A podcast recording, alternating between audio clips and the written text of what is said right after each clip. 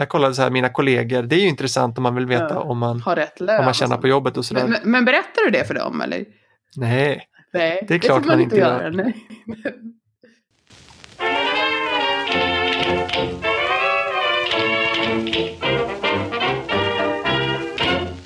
Lisande la gomme. Välkomna till Lysande lagom, en podd om svensk kultur, svenskt språk och om att lära sig svenska.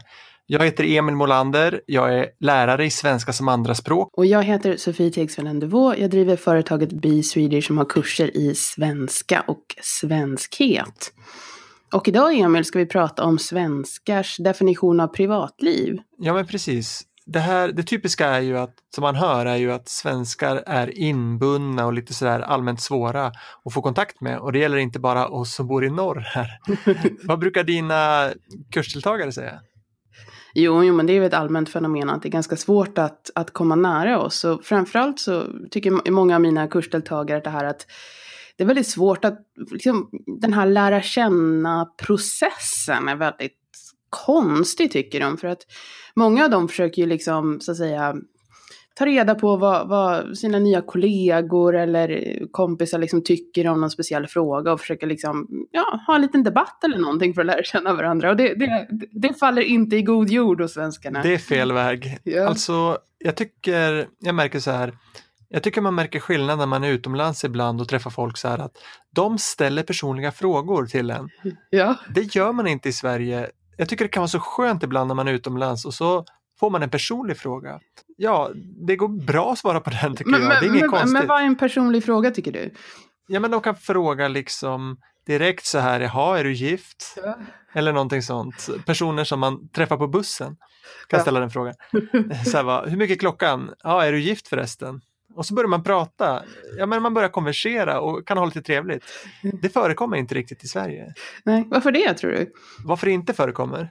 Ja, Eh, nej, men jag vet inte. Alltså, vi är väl lite rädda för att man ska komma för nära, att det ska bli lite för jobbigt. Vi är väldigt måna så här, om integritet, man ska vara självständig och sådär. Eller vad tycker du? Jo, men, men det har väl någon, alltså jag, jag tycker det är vik- viktigt att göra skillnad på vad som är personligt och vad som är privat. Och även om vi kanske inte är medvetna om det så drar vi en väldigt stark gräns mellan det privata och det offentliga. Och våra jobbrelationer handlar ju inom den liksom offentliga sfären. Och, och det betyder att då håller man sig till, till sådana ämnen och man går inte in på det här med privatliv. Och, Ja, nej men fast, alltså, fast lite gör man väl det.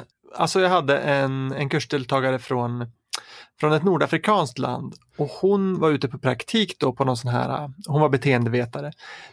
Och så tyckte hon det var så konstigt att de här kollegorna håller på och frågar om hennes barn och hur gamla de är och vad de ska göra i helgen. Och hon bara undrar, vad är det ni vill? Är det här någon kontroll eller? Man kanske ska tillägga att hon kommer från en totalitär stat och så mycket övervakning och så. Så det kanske var, jag vet inte om det hade med saken att göra men men det hände väl ändå att man frågar så här, ha, hur gamla är dina barn? ja, Om man hur- får en ny kollega på jobbet. Jo, men det där tycker jag verkligen hamnar inom liksom den offentliga sfären. Hur gamla är dina barn? Det här är väldigt lätt att svara Ja just det, på. det liksom. där var vi inne på. Vi har pratat om siffrorna. nummer, förut och kanske vilken skola går de i? Det kan man också svara på.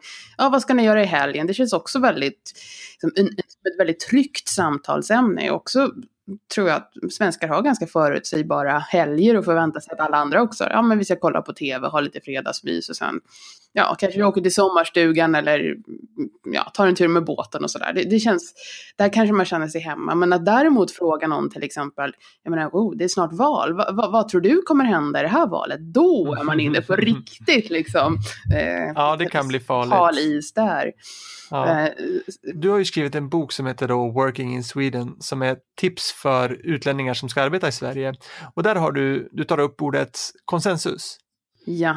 Vad, vad, är, vad är det här med konsensus i Sverige? Jo, det är ju att alla sitter runt ett mötesbord och försöker lista ut vad alla de andra tänker och tycker om en viss fråga och så att säga nosar sig fram runt omkring genom att ja, väga fördelar och nackdelar mot varandra och, och, och liksom försöka känna sig för tills, tills man liksom har en uppfattning om vad, vad resten av personerna tycker och då, då kan man släppa den här bomben, vad åsikten är, den gemensamma åsikten. Ja, men det där tyckte jag var bra också i din bok. Så här, du har ett uppslagsord där pros and cons, alltså för och nackdelar. Det är svenskarnas favoritsätt att diskutera, skrev du. Ja. Kan du utveckla det lite? Ja, men, ja, men det, det passar ju oss perfekt, för då behöver vi inte från början ta ställning eller motivera varför vi tycker på ett visst sätt, utan vi kan titta först på fördelarna och på nackdelarna, så vet liksom ingen vad jag egentligen tycker om det. Och det här är jätteintressant. Jag, jag undervisar rätt mycket eh, för folk som ska göra TISU, som alltså är ett språkprov man kan göra för att få behörighet att studera på svenska universitet. Och då övar vi att prata fördelar och nackdelar, för det, Just det. man bedöms Det kommer liksom även efter det, att, att kun- kunna resonera fram och tillbaka sådär. eh, Ja, typiskt sån här äh, språk, skoluppgift i svenska som andraspråk. Väg Ja. för och nackdelar. För och nackdelar, bo på landet, bo på stan, för och nackdelar. Ha husdjur eller inte, ha för och nackdelar. Och då är det å ena sidan och å andra sidan. Mm. Men det där med att uppnå konsensus också, det där märkte jag som barn på mina föräldrar. så här att när man träffade någon ytligt bekant till dem och så började de prata om någonting och så kom den här bekanta med någon åsikt. Då höll mina föräldrar alltid med. Ja, Och jag liksom stod och lyssnade och bara, men så där tycker ju inte ni. det, här, det här stämmer ju inte. Varför säger ni att, att ni tycker så där? Det är ju inte sant. Men, men liksom, det är så man gör i Sverige. Ja. Eller? och där kan man ta i kontrast, för min, man kommer från Frankrike och han, där, gör man ju precis tvärtom. Så han gör ju nästan så att om någon säger någonting kommer med en åsikt eller någonting, då säger han emot. I- inte för att han nödvändigtvis tycker så, utan bara för att han, liksom, han tycker det, att, att kunna provocera fram en liksom debatt kanske vässar argumenten och att man så, så att säga vet bättre vad han pratar om. Så han har verkligen skrämt min familj och släkt flera gånger genom att väldigt så här kontroversiella politiska åsikter eller uppfattningar om barnuppfostran och sådär. Eh, mm.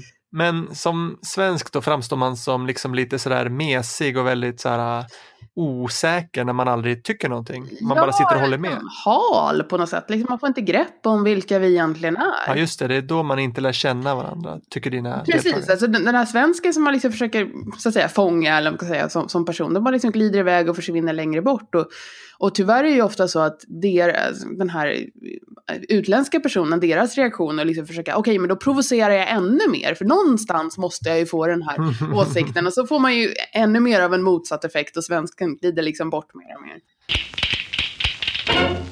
Men en sak som jag har märkt om jag har haft kursdeltagare som har bott ganska länge i Sverige som arbetar här, det är att de, de berättar om när de arbetade i sitt hemland och så säger de, åh, vi hade det så, vi hade så nära relation alla kollegor. Vi brukade gå ut och äta middag, vi hade fester med varandra på helgerna och de saknar det väldigt mycket. För man bjuder inte hem varandra i Sverige i samma utsträckning.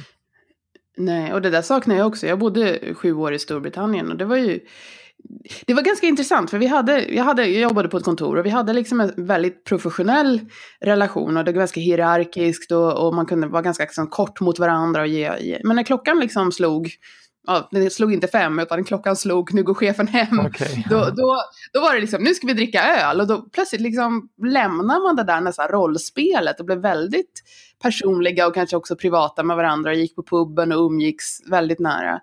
Eh, Eh, Men det där har vi fått i Sverige nu, nu när vi har AV, after work. Det fanns ju inte förut, typ 20 år sedan. Ja, men vi kommer in på det lite, alltså, nu är det acceptabelt, nu har vi ett ord för det, nu kan vi gå ut och ta en öl tillsammans, några stycken från Ja. jobbet. Inte alla kanske. Precis, men det, men det planeras ju veckor i för. Det finns inget spontant och det finns inget det är inte det här liksom, ja, jag har en kompis som kanske hänger Nej. på också. Det, det Det är väldigt konstigt. så säga, så här, kontrollerat på väldigt Ja. många sätt. Men börjar vi inte bli lite kontinental här, att vi i alla fall kan gå ut med våra kollegor lite grann? Jo, jo, men det säger jag också till många av mina kursdeltagare när man klagar på liksom, speciellt Sverige. Det har ju hänt väldigt mycket och jag, jag menar, jag är inte särskilt gammal, men jag, jag minns ju ett, helt annat Sverige, eh, bara för kanske 15-20 år sedan. Och nu blomstrar ju uteserveringarna och det finns ett helt annat liksom, pub eller restaurangliv. Så det, det är nog väldigt stora förändringar på Mm. gång, det tror jag. Men jag har en teori också om det där med att gå ut och eh, jag hade en kursdeltagare från Polen till exempel som sa att ah, men vi brukade ofta gå ut och äta lunch tillsammans. Tog vi två timmars lunch och så satt vi på restaurang och liksom åt och drack och pratade. Ehm, och det, det tyckte jag var lite konstigt. Eller det skulle man inte göra här kanske då, om det inte är något väldigt speciellt. Men jag har tänkt så här, i andra länder har de inte fikapauser hela tiden. Och då Nej. tänker jag så här, vi svenskar, vi får det där sociala med kollegorna lite så här i små doser i fikapauserna. de, eh, I andra länder så får man inte det utan då går man ut tillsammans eller bjuder hem varandra eller träffas på helgen istället för att få det sociala. Vad tror du om den teorin? Ja, och samtidigt är det verkligen socialt. För, för, för du är mig, inte övertygad. för, för mig är den här fikapausen, jag, jag tänker liksom, om man skulle jämföra, om man tänker sån här japansk te-ritual som liksom bara handlar om form och inget innehåll. För mig är den svenska fikapausen lite så. Liksom.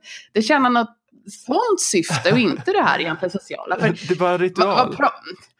Ja, och vi, vi, vi, pratar ju väldigt sällan om någonting, utan det är som du säger, hur gamla är dina barn, vad ska du göra i helgen? Och liksom, det är lite kanske något projekt man håller på med, men man går egentligen aldrig in på det här eh, vad ska man säga, personliga och, och, och, det som verkligen folk bryr sig om. Nej, man pratar inte om livet. Nej. Och Eller tror... det kan ju hända, om man får liksom en bra kollega, då, mm, då, är det ju, då kan det vara jättekul om man liksom kan få, få till riktig diskussion, men det är ju sällsynt. Ja, och det tar väldigt lång tid. Jag, menar, jag, jag, jag kom tillbaka till Sverige 2008 och började jobba på en stor språkskola och det tog mig två år innan jag liksom hade någons nummer eller överhuvudtaget träffade någon utanför arbetsplatsen. Och jag är ändå liksom en ganska så social person, öppen för nya grejer och sådär. Så det, det tar lång tid och, och, det tar lång tid för svenskar och det tar ännu längre tid kanske för, för någon som kommer från ett annat land.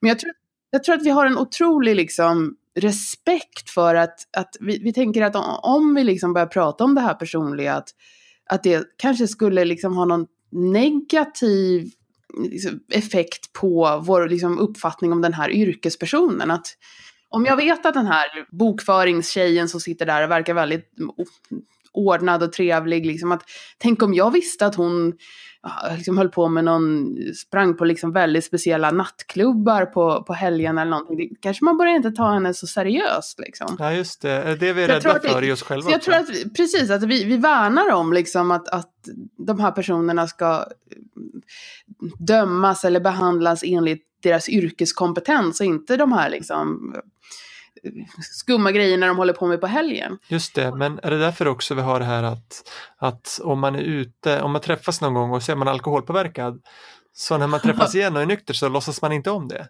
Ja, och eh, på något sätt finns det ju väldigt liksom mycket respekt i det där och det ger ju personerna väldigt mycket frihet. Antingen då att om, om man är ute och dricker och beter sig konstigt eller har några liksom, ovanliga eh, fritidsintressen, de, de, de, lämnar man i fred. Och, och, då tror jag att man liksom upplever någon slags ja, frihet ja. framför allt. Det kan ju bli ganska konstigt på jobbet också om man liksom blandar in lite så här äh, känslor har jag märkt. Och jag ja. tror du tar upp det i din bok också med känslor att de visar man inte på jobbet. Jag satt på ett möte på en ganska stor avdelning för ett tag sedan och eh, ja, man tog upp att det var någon kollega som var sjuk och nu skulle hon förlora jobbet också, fast hon mm. var allvarligt sjuk. Eh, och då började en kvinna då i samlingen att gråta. Ja, det är väldigt tabulagt i Sverige. Ja, och det här var liksom ett ganska litet rum, fullproppat med väldigt mycket folk. Och så folk liksom runt omkring henne Ingen reagerade överhuvudtaget. Hon satt där och grät och det blev bara tyst. Ingen visste vad de skulle göra. Inte ens de som satt bredvid henne kunde liksom klappa om henne eller ge henne en näsduk eller säga någonting. Nej, vi satt där i tystnad en liten stund. Sen började någon prata om något annat. Men, men samtidigt tror jag att de här... För, för, den där reaktionen får jag ofta liksom också från, från mina kursdeltagare. Till exempel när man går på en buss och så ser man att det kommer på en gammal eller en gravid eller en handikappad person. Att det är ingen som reser sig. Eh, och, och, jag tror att det, där, det finns en ganska stark parallell mellan det och det här mötet när man ser eh, någon som börjar gråta. Att vi, har, vi vill inte liksom, vad ska man säga, erkänna att någon person är svagare än oss. Vi vill mm. inte säga liksom varsågod och sitt här, för då kanske man liksom insinuerar att ja, men du är gammal och, och, svagare än mig. Och lite samma sak finns det, det. Att, att vi inte vill liksom påpeka att någon faktiskt är ledsen och är i en sårbar position. Nej, just det. Men är det där bara den som liksom som står på den sidan som känner det?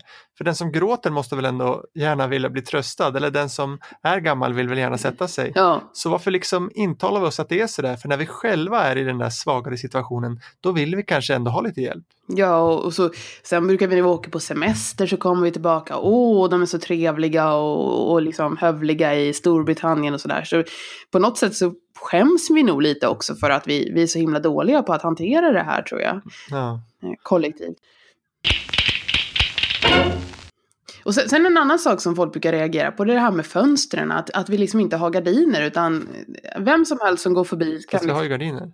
Ja, fast som ofta från... eh, Men om du jämför med till exempel Storbritannien, de har ju sådana här liksom spetsgrejer som hänger för Ja, fönstren. Och, och det här är ju också en, konfliktgrej i mitt hem, att min man vill ha persiennerna neddragna hela tiden. Och det där känns väldigt sådär, oh, vad ska grannarna tro om jag har persiennerna neddragna hela dagen? Samma här, samma här. Min fru är då från Tyskland och där har de något som heter Rollleden som är så moderniserade fönsterluckor där man liksom, du vet så här som butiker kan ha, att man bara drar Ah, ner ja, ett stort i- galler. I, i metall liksom. Ja, precis. Ja. Och så bara rassel, rassel, rassel. Det har folk hemma för alla fönster. Så så fort det blir mörkt så drar man ner. Så att det blir liksom, då måste man tända i taket istället. Och det är helt konstigt. Och min fru vill ju också då dra ner persiennerna hemma. Eh, Jag fattar inte riktigt, vad är poängen med det? Ja, men är det inte lite som det här med Ratsit, att man kanske kollar in i någons fönster men man låtsas inte om det? Mm. Och, och det. och att, att det finns den här liksom respekten för privatliv, att visst man kanske råkar se någon som är alkoholpåverkad eller man råkar ha kollat upp någon och se vad de betalar i förmögenhetsskatt och man råkar ha kollat in genom någons fönster och sett det här kanske alldeles för intima fredagsmyset eller någonting, men, men man nämner inte, utan det där är någonting som man behåller för sig själv. Mm. Ja, det är lite konstigt. men, och sen har jag tänkt på det här också att nu är kanske det annat då med GDPR, men när man går på en butik och köper någonting så frågar de, är du medlem? Ja. Vad har du för personnummer? Och så förväntas man säga sitt personnummer högt och tydligt i en butik, helt offentligt. Det är ju, det är lite extremt. Det skulle aldrig en tysk göra eller en amerikan. När jag gick i skolan och var barn, då fick vi det första, vår, lärare liksom präntade in det där i våra huvuden. Så varje dag startade med att var, och en i klassen liksom fick rabbla sitt personnummer. Man kunde ju alla de där Aha. 21 olika Okej. numren efter ett tag. Kan, du kan de fortfarande säkert. Ja, och deras telefonnummer, eller ja, deras föräldrars telefonnummer. Men alltså så det är lite dubbelt här alltså. Vi delar med oss ganska mycket av vissa saker och tycker att det är liksom lite smart och Mm. smidigt och enkelt. Vi är inte bekymrade över vår integritet på ett Nej. sätt. Och det är väl kanske att vi kanske har ett ganska stort, jag tror vi litar på samhället faktiskt. Att det, vi, vi hyser ganska stor tillit till att, att ingen kommer använda eh, våra uppgifter, våra personuppgifter eller inkomstuppgifter på ett dåligt sätt. Och det tycker jag är på sätt, det är ganska positivt Ja, eh, tecken på ett samhälle. Men då är det så här, vi litar på samhället men vi litar inte på våra medmänniskor eller våra kollegor på jobbet för de bjuder vi inte in riktigt. Ja, fast jag tror egentligen inte att det är att vi inte litar på dem. Jag tror mer att det att, att vi vill så att säga skydda dem från oss själva, att inte verka påträngande så. För sen om någon ändå frågar mig kanske något mer personligt så brukar man oftast inte ha något emot, något emot att prata. Mm. Ja, nu kanske jag motsäger mig själv där, det, nej, ja. jag vet inte. Men jag har märkt det där också. Att om man vågar vara lite mer personlig då än Mm. vad som kanske är normalt, då blir det ofta ganska trevligt. Eller det blir roligare, man blir liksom lite mera mm, vän med varann. Och även att man liksom vågar berätta lite mer om sig själv. Alltså det är något som jag har lärt mig utomlands så här att ja men säg någonting om dig själv då. Då blir det trevligare faktiskt. Ja. Men det här då, när jag var föräldraledig med mitt andra barn så um, var jag tillbaks på jobbet och hälsade på då, och då jobbade jag som lärare för, för en massa utlänningar. Och så kom jag in med henne i klassrummet då, och alla, åh hon var så gullig och hon var noll år. Och då skulle ju alla eh, komma fram och nypa henne i kinden. Och så här, ta på henne, hålla henne i famnen och så vidare. Vilket är Mm. helt normalt i många länder men för mig så var det så här, nej men alltså det här är ändå mitt barn och, och det är liksom hennes liv och hennes kropp. Jag ska väl inte bara, det är ingen docka som vi ska skicka runt och som alla ska peta på utan Mm. jag ville liksom hålla henne lite, ja ni kan väl säga hej först och sen får vi se om hon vill komma till er. Mm. Och, och så hade jag några um, några kursdeltagare från Mellanöstern som tyckte att vad håller du på med alltså? Det är inte så konstigt att svenskarna blir blyga och inbundna. När, när det börjar så här, redan när de är noll år så får de liksom inte ha kontakt med folk. Mm. Jag tyckte hon hade poäng i det. Det har hon nog rätt i. Men jag, jag har ju upplevt samma sak. Jag har också upplevt min, min, min mans släkt och hur de liksom tar kontakt med, med, med våra barn och, och, som jag reagerar ganska starkt på. Men jag, men jag tror att någonting som, jag själv tycker är väldigt positivt i Sverige det är att vi ser barn som individer redan så att säga när de är barn. Medan jag tror att i många mer traditionella kulturer så är barnen, liksom barndomen någon slags passage och som man har bråttom igenom för att sen bli vuxen och sen bli människa. Ja, ja barnen är något man har med sig liksom. Och jag, precis, jag tycker, alltså det där speglas också ganska mycket i liksom, vad ska man säga, skönlitteratur för barn. Att vi har ett stort svenskt och franskt bibliotek här hemma. Och vad ska man säga, de franska böckerna som handlar om barn, de handlar om barn som är barn. Eh, och de är ofta ganska liksom, stereotypiska, ja det är inga, inga liksom, speciella eh, karaktärsdrag. Medan de svenska böckerna och deras karaktärer är väldigt utvecklade med personlighet och olika, liksom, de är verkligen olika de barnen. Medan de franska barnen är egentligen stöpta i samma form.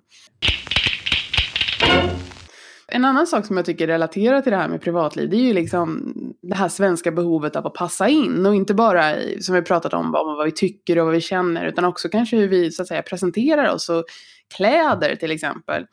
Eh, och det där är också någonting som väldigt många reagerar på, att alla svenskar har på sig samma kläder. Det finns Jaha. väldigt lite variation. Den har jag aldrig hört förut.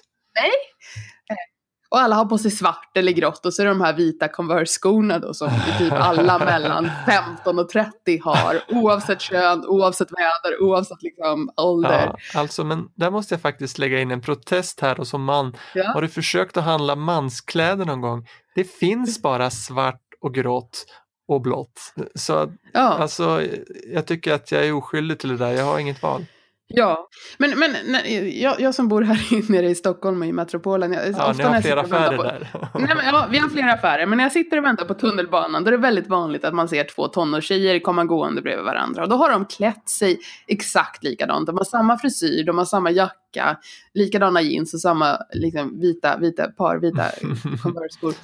Där skulle man ju aldrig se liksom, i Sydeuropa, där, där det är väldigt viktigt att man använder kläderna för att liksom, visa vem man är och vilken personlighet. Att, ja, där är det något positivt att, att, att sticka ut och inte ha samma som de andra. Men här är det liksom, här är man cool och man ser ut som alla andra. Men Sofie, har du något tips till den som har flyttat till Sverige som vill passa in? Hur ska man förhålla sig till privatlivet? Jag tror det är jättesvårt. Eh, för jag tror ofta det står i konflikt med ens egna värderingar och man kanske tycker det är liksom lite hotande det här att andra kan hitta ens personuppgifter och så. Och samtidigt så vet man inte riktigt hur man ska lära känna eh, andra.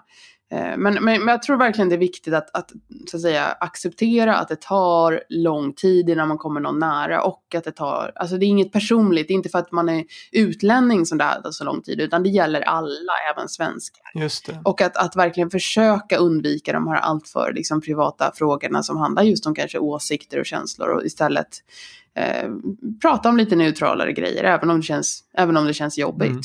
Man får låtsas vara lite ytlig ett tag tills man kommer någon in på livet. Ja, för, för det som är positivt tror jag ändå som många säger, det är ju att när man väl har kommit en svensk nära, då är man ju ofta liksom vänner för livet. Att vi, ju, vi är väldigt liksom lojala i vår vänskap och även om man liksom inte träffas på flera år så är man fortfarande en väldigt god vän när man väl träffas. Du lyssnar på Lysande lagom. Man kan mejla oss på podd.lysförlag.com eller läsa eh, om oss och den här podden på lysförlag.com. Man kan köpa Sofies bok också, Working in Sweden, The A to Z Guide. Jag heter Emil Molander. Jag heter Sofie Tegsveden Duvå. Tack för att ni har lyssnat.